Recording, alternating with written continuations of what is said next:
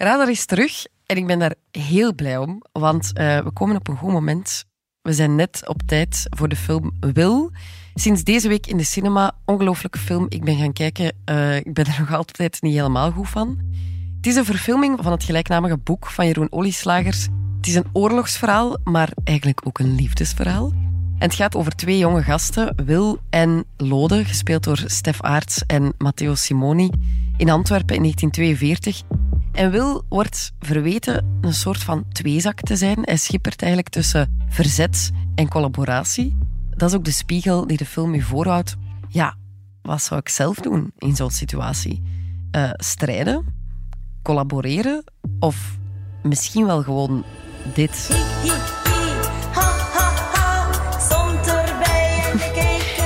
Misschien lang geleden dat je dit nog hebt gehoord, maar het is het lied dat de rode draad vormt van de film. En it's your lucky day, want regisseur Tim Milans en cinematograaf Robrecht Heijvaart zitten hier voor mij.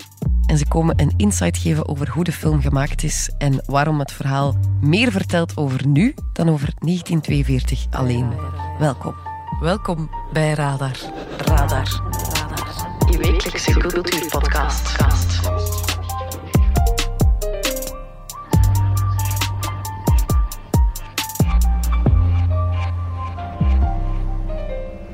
Welgekomen bij de Antwerpse politie. Recruiten. Gulle vangt de slagen op tussen ons mensen en de Duits. Regisseur Tim Milans en cinematograaf Robrecht Heijwaard, welkom. Dankjewel. Heel tof dat jullie hier zijn. Jullie hebben samen met nog een pak getalenteerde namen een ongelooflijke film gemaakt. De film Wil. Ik moet zeggen, ik heb er even van moeten bekomen. Ik zeg twee beren, gesmeren. Oh, dat was een wonder, ziet maar mee. Het was een wonder, kom on. Boven wonder, kom on, zie maar mee. Die beren smeren, kom de go. Hi, hi, hi, allemaal, allemaal. Ha, ha, ha. Stond erbij en ik kijk ernaar. De aftiteling begon en ik dacht... Alleen mannen, jullie kunnen mij hier nu niet zo achterlaten, toch? Erbij. En je kijkt ernaar. Dat is dus hetgeen wat je goed in de bolken moet steken. Hoe voelt het nu de film er eindelijk is? Ja, het is, het is, het is fijn dat er zo gereageerd wordt op de film. En, en inderdaad, wat jij zegt, het is eigenlijk een film die pas begint wanneer het hem gedaan is. Ja. En, en we voelen dat uh, aan de reacties. Dus uh, dat is heel fijn. Ja. Het feit dat de film uitkomt voelt ook wel als, als bevrijdend eigenlijk. Of die, ja? Voor mij al, althans eigenlijk, dus ik neem aan dat voor, voor Tim nog veel meer is eigenlijk, omdat je daar uh, een jaar of meer naartoe werkt eigenlijk en mhm. die film zo goed mogelijk probeert te maken. En dat gaat gepaard met best wel wat twijfels of best wel wat experimenten en, en zoeken en, en blijven puzzelen totdat het de best mogelijke versie van de film is. En dan, wanneer de film dan uitkomt, dan... Dan ligt hij daar en dan moet, moet de rest er maar iets mee doen. Ja. Wat ik wel frappant vind, Tim, ik las en hoorde al een paar keer in interviews dat je last hebt van uh, faalangst. Terwijl ja, jij was de regisseur van Cordon, Professor T, uh, The Responder. Volledig derde seizoen van Peaky Blinders. Je debuutfilm uh, Patrick ook. En je hebt net weer een fantastische productie gemaakt. Je zou dan niet per se denken dat jij iemand bent die daar last van heeft. Um, toch wel, ja. Ik denk altijd van dit. Ik zat naar de film te kijken en ik dacht, dit kan ik niet meer herhalen. Ik heb, dat zit niet meer in mij. Ik heb, ik heb heel veel geluk gehad Um, en, en dat zeker wanneer dat de film goede reacties krijgt, dan dacht ik van, ja, dit is dan de laatste keer dat ik dat ga meemaken. maar ik denk dat het herkenbaar is voor, voor veel mensen, hoor. Ik heb er ook last van. We zitten hier eigenlijk met twee imposters aan tafel. um, hebben jullie eigenlijk al vaker samengewerkt? Of hoe kennen jullie elkaar? Uh, wij, dit is de eerste keer dat wij samenwerken. Ja. Maar ik heb altijd wel met ja, open mond en vol verbazing naar zijn werk gekeken. Um, Insgelijks. Jullie zijn fan van elkaar. Ja, ja zeker. We zijn fan van elkaar, ja. ja. En uh, het was heel fijn om dit met Robrecht te kunnen doen. Om, om, om dat Robrecht natuurlijk wel... Uh, ja, het is verbazingwekkend wat hij met licht doet. En, en, en, en ook wat hij met het mainstream genre kan doen. En ik denk dat deze, deze film een interessante kruisbestaving is tussen misschien wat meer arthouse elementen gecombineerd met een, met een soort mainstream vertelling. Ja, En heb jij hem dan aangesproken van ik wil graag uh, met jou samenwerken? Of hoe is dat gelopen? Uh, hij heeft het gelezen en hij, en hij heeft ja gezegd. ja, ja, ja, en hij, ja, vooral wat het moeilijkste is bij Robricht, hij had tijd. Dat is... Uh, ja, ja, ik had ook uh, niet alleen tijd, maar ook heel veel goesting eigenlijk. Dus uh, hoe dat, dat precies is ver, verlopen, dat herinner ik me niet helemaal eigenlijk. Maar ja, het team heeft mij gecontacteerd en dan de eerste stap die meestal volgt is het uh, lezen van het scenario. En dan zijn we iets gaan eten. En dan herinner ik mij nog wel goed eigenlijk. Ik denk de dag later of twee dagen later stond ik op de set van, van Zillion. En, en Tim wandelde doodleuk de set uh, binnen en zei: We gaan dat doen. En dan de rest is gebeurd. De rest is ja, geschiedenis. Ja, ja, ja. ja, want je zegt, ja, Robrecht had tijd. Ja, je hebt ook heel veel dingen op je cv staan. Je bent quasi de vaste cinematograaf bij de films van Adil El Arbi en Bilal Fallah. Ja, de lijst is niet mis, hè. Dardenne, Black, Patser, Bad Boys for Life, Oxillion. Um, Adil El Arbi zei zelfs, geen Robrecht Heijvaart, geen film. Ah, dat is, dat is heel charmant van hem eigenlijk, maar of ik het zo ver zou drijven, dat, dat weet ik niet eigenlijk. En wat doet een uh, cinematograaf eigenlijk? Of wat houdt dat juist in? Goeie vraag. Ik zeg meestal dat dat is het verbeelden of in beeld brengen van de film. Dus dat gaat in grote lijnen over camera en licht. Hoe worden scènes vastgelegd op een, uh, een filmmedium en uh, met als uh, idee om de, het verhaal op de best mogelijke manier te vertellen. Dus ehm, camera en licht, meestal in samenspraak met de regisseur uiteraard. En cinematografie is voor mij de plaats waar de, de techniek en het, de artistieke visie van de regisseur samenkomt. En ja. het is dat dat mij zo hard aantrekt aan die job. Ja. De film Wil is een verfilming van het boek Wil van Jeroen Olieslagers. En Tim, blijkbaar heeft Jeroen u een sms gestuurd van dit is uw volgende film. Ja, dat klopt. Ja. En had je, had je dat boek gelezen? Had je zoiets van, oké, daar gaan we mee aan de slag? Of? Um, het heeft eventjes geduurd, omdat er nog andere projecten om, uh, waren. Maar um, ik heb het boek gelezen en ik vond het boek niet alleen historisch relevant, maar ik vond het boek ook heel relevant naar um, gesprekken die ik misschien later met mijn kinderen, mijn kleinkinderen gaan voeren. Het, het, het, nodigt uit tot dialoog tussen generaties. Ja. En zeker de tijd waar we nu in zitten met AI en natuurontwrichting en al de grote problemen die ons tarten nu, een grote Ja. beslissing dat we moeten nemen, spelen ik wel heel hard in mijn hoofd van eh, wat is dat gesprek met mijn kinderen en wat is dat gesprek met mijn kleinkinderen. En, en, en dat was voor mij wat er heel de tijd communiceerde doorheen het boek. Het was voor mij ehm, vreemd genoeg geen historisch drama. En wat zou je willen vertellen later aan je kinderen, je kleinkinderen? Ik ga die vertellen dat ik hier uh, de standaard podcast erover heb gehad. En dat ik dat toch geuit heb voor de wereld en niet voor mezelf heb gehouden. En jij, Robrecht? Is dat ook een vraag die jij ja, waarschijnlijk ook wel tijdens het proces van de film jezelf hebt gesteld? Maar zeker, zeker. Dus enerzijds de vraag, wat wil je doorgeven aan, aan de kijker of aan uw, uw nageslacht eigenlijk? En ook, hoe verhoudt dat verhaal, dat fictief verhaal in, um, in de Tweede Wereldoorlog zich tot het heden eigenlijk? Wat ook wel zijn implicaties heeft gehad voor hoe dat in een film tot stand is gekomen eigenlijk. En dat Ja. zijn ook meerdere gesprekken die we hebben gehad eigenlijk over, dat is een, een hedendaagse film over een historisch thema, over wat gaat het en wat willen we vertellen. En ehm, zoals Tim ehm, terecht aangeeft eigenlijk, is die een film geen historisch document en dat was ook helemaal niet het, eh, het opzet. Want zelfs al zouden dat pogen, dan gaat dat toch niet lukken. Dus vandaar de subjectieve interpretatie van Tim om een historisch gegeven te nemen en er iets hedendaags over te vertellen, Ja. zonder de, de historie te niet te doen, is uh, een heel interessant vraagstuk en is in, in grote mate gelukt volgens mij. ja. Welk gesprek uh, ga jij voeren met je kinderen?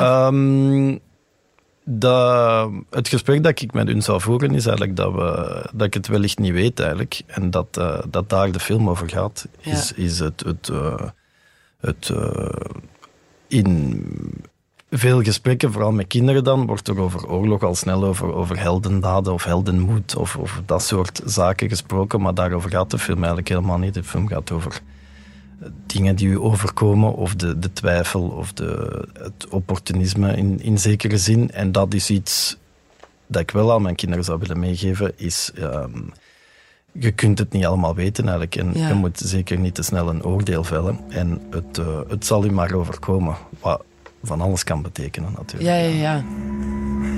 Goed op deze overleven.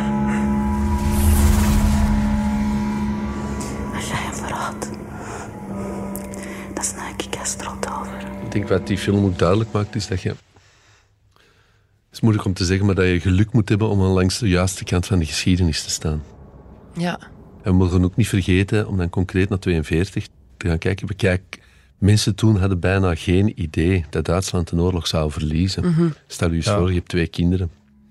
En um, ja, wij kijken er met een bril van, van Auschwitz en D-Day naar, maar dat mogen we natuurlijk niet doen. Ik nodig eigenlijk iedereen uit om een blaadje papier te nemen en er eens op te schrijven van voor wat wil je eigenlijk sterven. Mhm. En, en ja, natuurlijk voor uw kinderen willen dat doen. Uh, voor uw partner willen dat doen.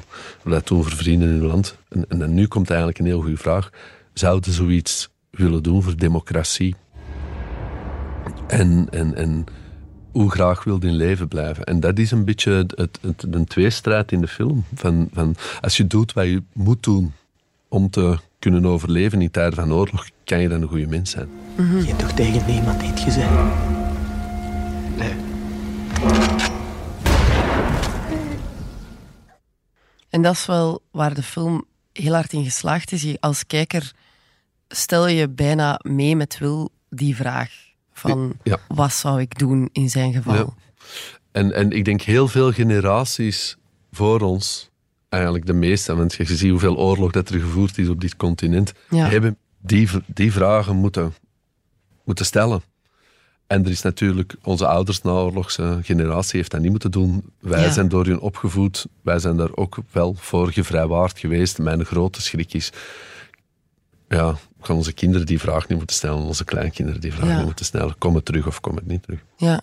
Maar dus als ik het goed heb, gaat deze film voor jullie niet puur over ons oorlogsverleden, maar het zegt vooral ook iets over het nu, over de toekomst. Ik denk dat, een, een- daar hebben we het ook natuurlijk over gehad, ik denk dat oorlogsfilms dikwijls meer vertellen over de periode waarin dat ze gemaakt zijn dan, in, dan de periode waar dat ze naar refereren. Ik, ik vind het, dikwijls is het, eh kijkt het binnen over de periode van, van het moment dat het gemaakt is. Het gaat natuurlijk over een periode die effectief heeft plaatsgevonden. Hoe realistisch wil je dan die film maken? Hebben jullie dan referenties waar dat jullie s- over samen gesprekken voeren? Absoluut. Ik denk, ik denk dat je eerst echt thematische gesprekken moet voeren. Eigenlijk meer haast filosofische vragen moet stellen. Ehm, en, en dan daaruit moet verder... Wat, wat wilde vertellen? Waarover gaat dat eigenlijk Ja. echt? Of, of ik denk zeker met historische films ehm, wordt dat nog dubbel zo interessant. En zeker met de thematiek die de film heeft, wordt het heel interessant. En dat zijn gewoon hele lange gesprekken van ehm, wat is het? Gaan we een subjectieve vertelling doen of gaan we proberen een objectieve tussen aanhalingstekens vertelling doen? En wat houdt dat dan in? Ja. Dat zijn bijvoorbeeld heel belangrijke vragen. Omdat het gaat over een, een, een Ja. geschiedkundig Ja, ik, ik kom bijvoorbeeld uit. eh, ik heb op de filmschool gezeten, de periode nadat Schindler's List uitkwam en La, en, en, en La, La Vita e Bella. eh, allemaal dingen die zich in de sfeer van concentratiekampen uit. En er werd heel lang gefilosofeerd van. Kunnen überhaupt zulke thema's fictionaliseren? Mag je dat doen? Ja, goede vraag. Hele goede vraag, waar we nog altijd over moeten nadenken. Want vanaf het moment dat je iets narratief aan het vertellen bent, ja, ben je een subjectieve interpretatie aan het geven. Ja. Ik vind het ook heel belangrijk, en dat ik ook even, dan deze film is geen historisch document. En mag dat ook nooit zijn. Ja, Het moet inspireren om mensen naar academische stukken te laten zien. Ik vind dat we er heel duidelijk in Daarmee dat ik ook het gevoel had, en met, met Robrecht over gehad, van ja, we, moeten, we moeten gewoon echt wel subjectief zijn. We, zijn be- we kunnen beter eerlijk subjectief zijn dan pseudo-objectief. En dus we gaan die subjectiviteit omhelzen. En, en zeggen van, we gaan een subjectieve interpretatie geven aan het visuele van die film.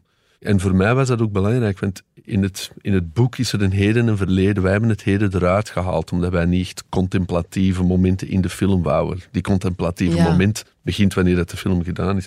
Maar ik heb wel proberen door het oog van de oude wil altijd te draaien. Ik heb door de ogen, de film voor mij is verteld, niet letterlijk natuurlijk, verteld door het oog van een jaar, 80-jarige man die terugkijkt Ja. naar die film. Vandaar die lange zoomshots. Zo en die blikken, en die blikken, en die blikken op, eh, op die bloedvlekken. Mijn grootvader vertelde dikwijls over de oorlog, mijn grootmoeder ook. waren altijd zo expliciete beelden. Een, een dode soldaat, eh, kinderbloed dat door de riolen, eh, door, over de straten liep. eh, tijdens- na de bombardementen van Morsel. Dat was altijd een soort traumatische ervaring die geen narratieve context had. En dat vertelde En, zij aan en, jou en dat vertelde ze ons als mij. Dus eigenlijk is voor mij dat boek van, oké, het is een oude Wilson perspectief, maar het is eigenlijk, die herinneringen zijn niet meer, zijn niet objectief, hoogstwaarschijnlijk niet meer zoals ze geweest zijn, maar hebben een subjectieve interpretatie gekregen. En dan zijn we zo aan de slag gegaan. Hoe vertaalt zich dat dan naar beeld? En we zijn beginnen testen. Ja, ik wil nu ook niet te technisch zijn, maar we zijn proberen naar oud, naar oud glas zijn we gaan kijken. Ah, we zijn- Vanuit die tijd? ja, we hebben, we hebben een soort lenzen waar dat Hitler zelf nog op gedraaid is uit die tijd. Nee. Ja, het zijn dan pitsvallenzen voor de nerds hier. En enkel het midden is eigenlijk echt scherp. En, en, en Rob Richt is zo fantastisch geweest om al die soort lenzen allemaal naar hier te halen. Mhm. En dat maakt dat de, dat de film of het visuele aspect een, een, een hybride is tussen het, het hedendaagse en het, ehm, en het verleden eigenlijk. Want wat dat we niet willen is een, een, een hedendaagse, zeer afgelikte, Ja. spectaculair ogende ehm, print. Maar wat dat we ook niet helemaal willen, is dat, dat we volledig gaan, gaan emuleren hoe dat films toen worden gemaakt. Ja, ja, ja. Eigenlijk, want we zijn wel degelijk een film in het heden aan het maken over toen. En dus aangezien dat wij filmmakers zijn in het heden en hoe kijken wij naar dat verleden, zijn we vooral gaan kijken naar, naar ehm, fotografie uit die tijd. En daardoor zijn we eigenlijk terechtgekomen bij een aantal portretlenzen uit die tijd, die technisch niet zo heel goed zijn, waardoor dat het centrum van beeld heel scherp is en de randen zo een beetje vervagen. Allee, mensen in, in menige Vlaamse huiskamers zien er wel zo klassieke portretten van, van overgrootouders of zo hangen en die zijn Ja, ja, dikwijls ja. rond of zo ovaal, omdat die, het, het portret in het midden dus haarscherp is, maar de randen daar rond een beetje vervagen. En, dan, en dan testen die en dan heb je zoiets van... Dat werkt wel echt voor onze claustrofobische vertelling. En, en, en, en om heel dicht bij onze hoofdacteur Ja. te zitten en Ja. er eigenlijk helemaal in te zagen. Dus eigenlijk door... Ja, Ja, Ja, ja, je inderdaad. En ik denk de dat we in, in grote mate dan het, ehm, de gemoedstoestand van het hoofdpersonage wil proberen te volgen. Eigenlijk. Mhm. Ik denk wanneer die camera echt deel van de actie wordt en, en meegaat, dan wordt dat ook gestuurd door ehm personage wil. Er zijn momenten waar dat hij eerder ehm, de situatie bekijkt van op een afstand. En dan neemt de camera ook een afstand eigenlijk. Dus ik- in hoeverre gaat die camera subjectief meegezogen worden in de actie, dat dat gestuurd wordt vanuit het eh, personage. we mogen dat echt niet onderschatten. Het kan misschien klinken als, ehm, als technisch, maar ik denk, je, je mogen het echt niet onderschatten. Het is zo belangrijk, het oog, waar dat, dat, dat alles vertelt. Mhm. En, en, en, ik, ehm, en ik denk, het is, het is alleen maar handig voor ons dat we er ook ons bewuster van worden. Eh, als we, we ook naar het nieuws kunnen kijken en dat we eigenlijk zien, wat zit daar soms achter? Zijn, er zijn bijvoorbeeld technieken, we weten dat allemaal, in presidentsverkiezingen meestal eh, de machtige man wilt, wilt links ten opzichte van links naar rechts zitten. Dat komt omdat wij lezen van links naar rechts. Eh, dat eigenlijk de machtige figuur links zit ten opzichte van beeld ten opzichte van rechts. Het zijn allemaal zo van die technieken die helpen. In de Arabische wereld is dat omgekeerd. Hè. Ah, En dat is ook anders leren. Ja. Ehm, dat, dat, het zijn allemaal zo die, die, die- we hebben gewerkt subliminaal, Ehm, maar dat subliminale neemt wel, vind ik, naar het eindproduct het volledige overwicht. Dus ik ehm, ben blij dat we daarom ook op die manier de, de kans krijgen om op- over die film te praten. In de, eh, je bedoelt dat, dat dit niet altijd belicht wordt? Of? Ja, ik wil gewoon, dat is een aandachtspunt, dat ik denk van de manier hoe dat iets verteld wordt, eh, hoe dat het licht is, hoe dat een lens is, wat die camera doet. heeft enorme, enorme grote invloed op de manier hoe dat wij zaken interpreteren. En we leven in een beeldcultuur. Ehm, dus ik, ik denk dat we daar kritisch naar moeten in kunnen kijken. Ja, nu, als je een periode wilt nabootsen eh, die je zelf nooit hebt meegemaakt, welke research gebruik je dan om een periode ja, tot leven te wekken? Jeroen sowieso schrijft met een licht burleske uh, pen. ja. dus, dus dat was inspirerend. En dan, zoiets moet je om mij geen twee keer zeggen, want dan, dan, dan, dan denk ik van wauw, fantastisch. all the way. Maar ik dacht, we, het, we, we dachten altijd wel, we moeten het verdienen. En we mogen het niet te hard uitvinden. We mogen onze fantasie niet laten gaan. Jullie zijn vertrokken van foto's Ja. Dus van bestaande mensen? ja, heel veel research gedaan naar, naar koppen en naar spraken en naar dingen. Maar gelukkig, ja, de, ja, de, de realiteit ging de fantasie naar boven. Ik denk hoe dat Jane Bervoets eruit ziet, geloof het of niet, is volledig copy-paste van foto's die we Nee. gevonden hebben. Want ja, ik had hem dus niet herkend zelfs. ja, Ja. ja, al die figuren zijn gewoon rechtstreeks referenties naar foto's. Dus dan moest ineens Kevin Janssens ook een grote neus krijgen. Ah ja. Dus, maar het klopt wel dat we een, in de beste zin van het woord een nachtmerrie aan het maken waren. Want Jeroen kwam op de set, denk ik, eh, tijdens de scène in de cinema. Hij is ook te zien hè, in de film. Als je goed oplet, kan je hem zien in een cameo. eh, wanneer dat Jeanne Bervoets Ja. In een scène eh, ja, mensen aan het opjutten is. ja, hij zit daar en hij zag Shane Bervoets en hij, zag, en hij dacht van, we zijn een nachtmerrie aan het maken.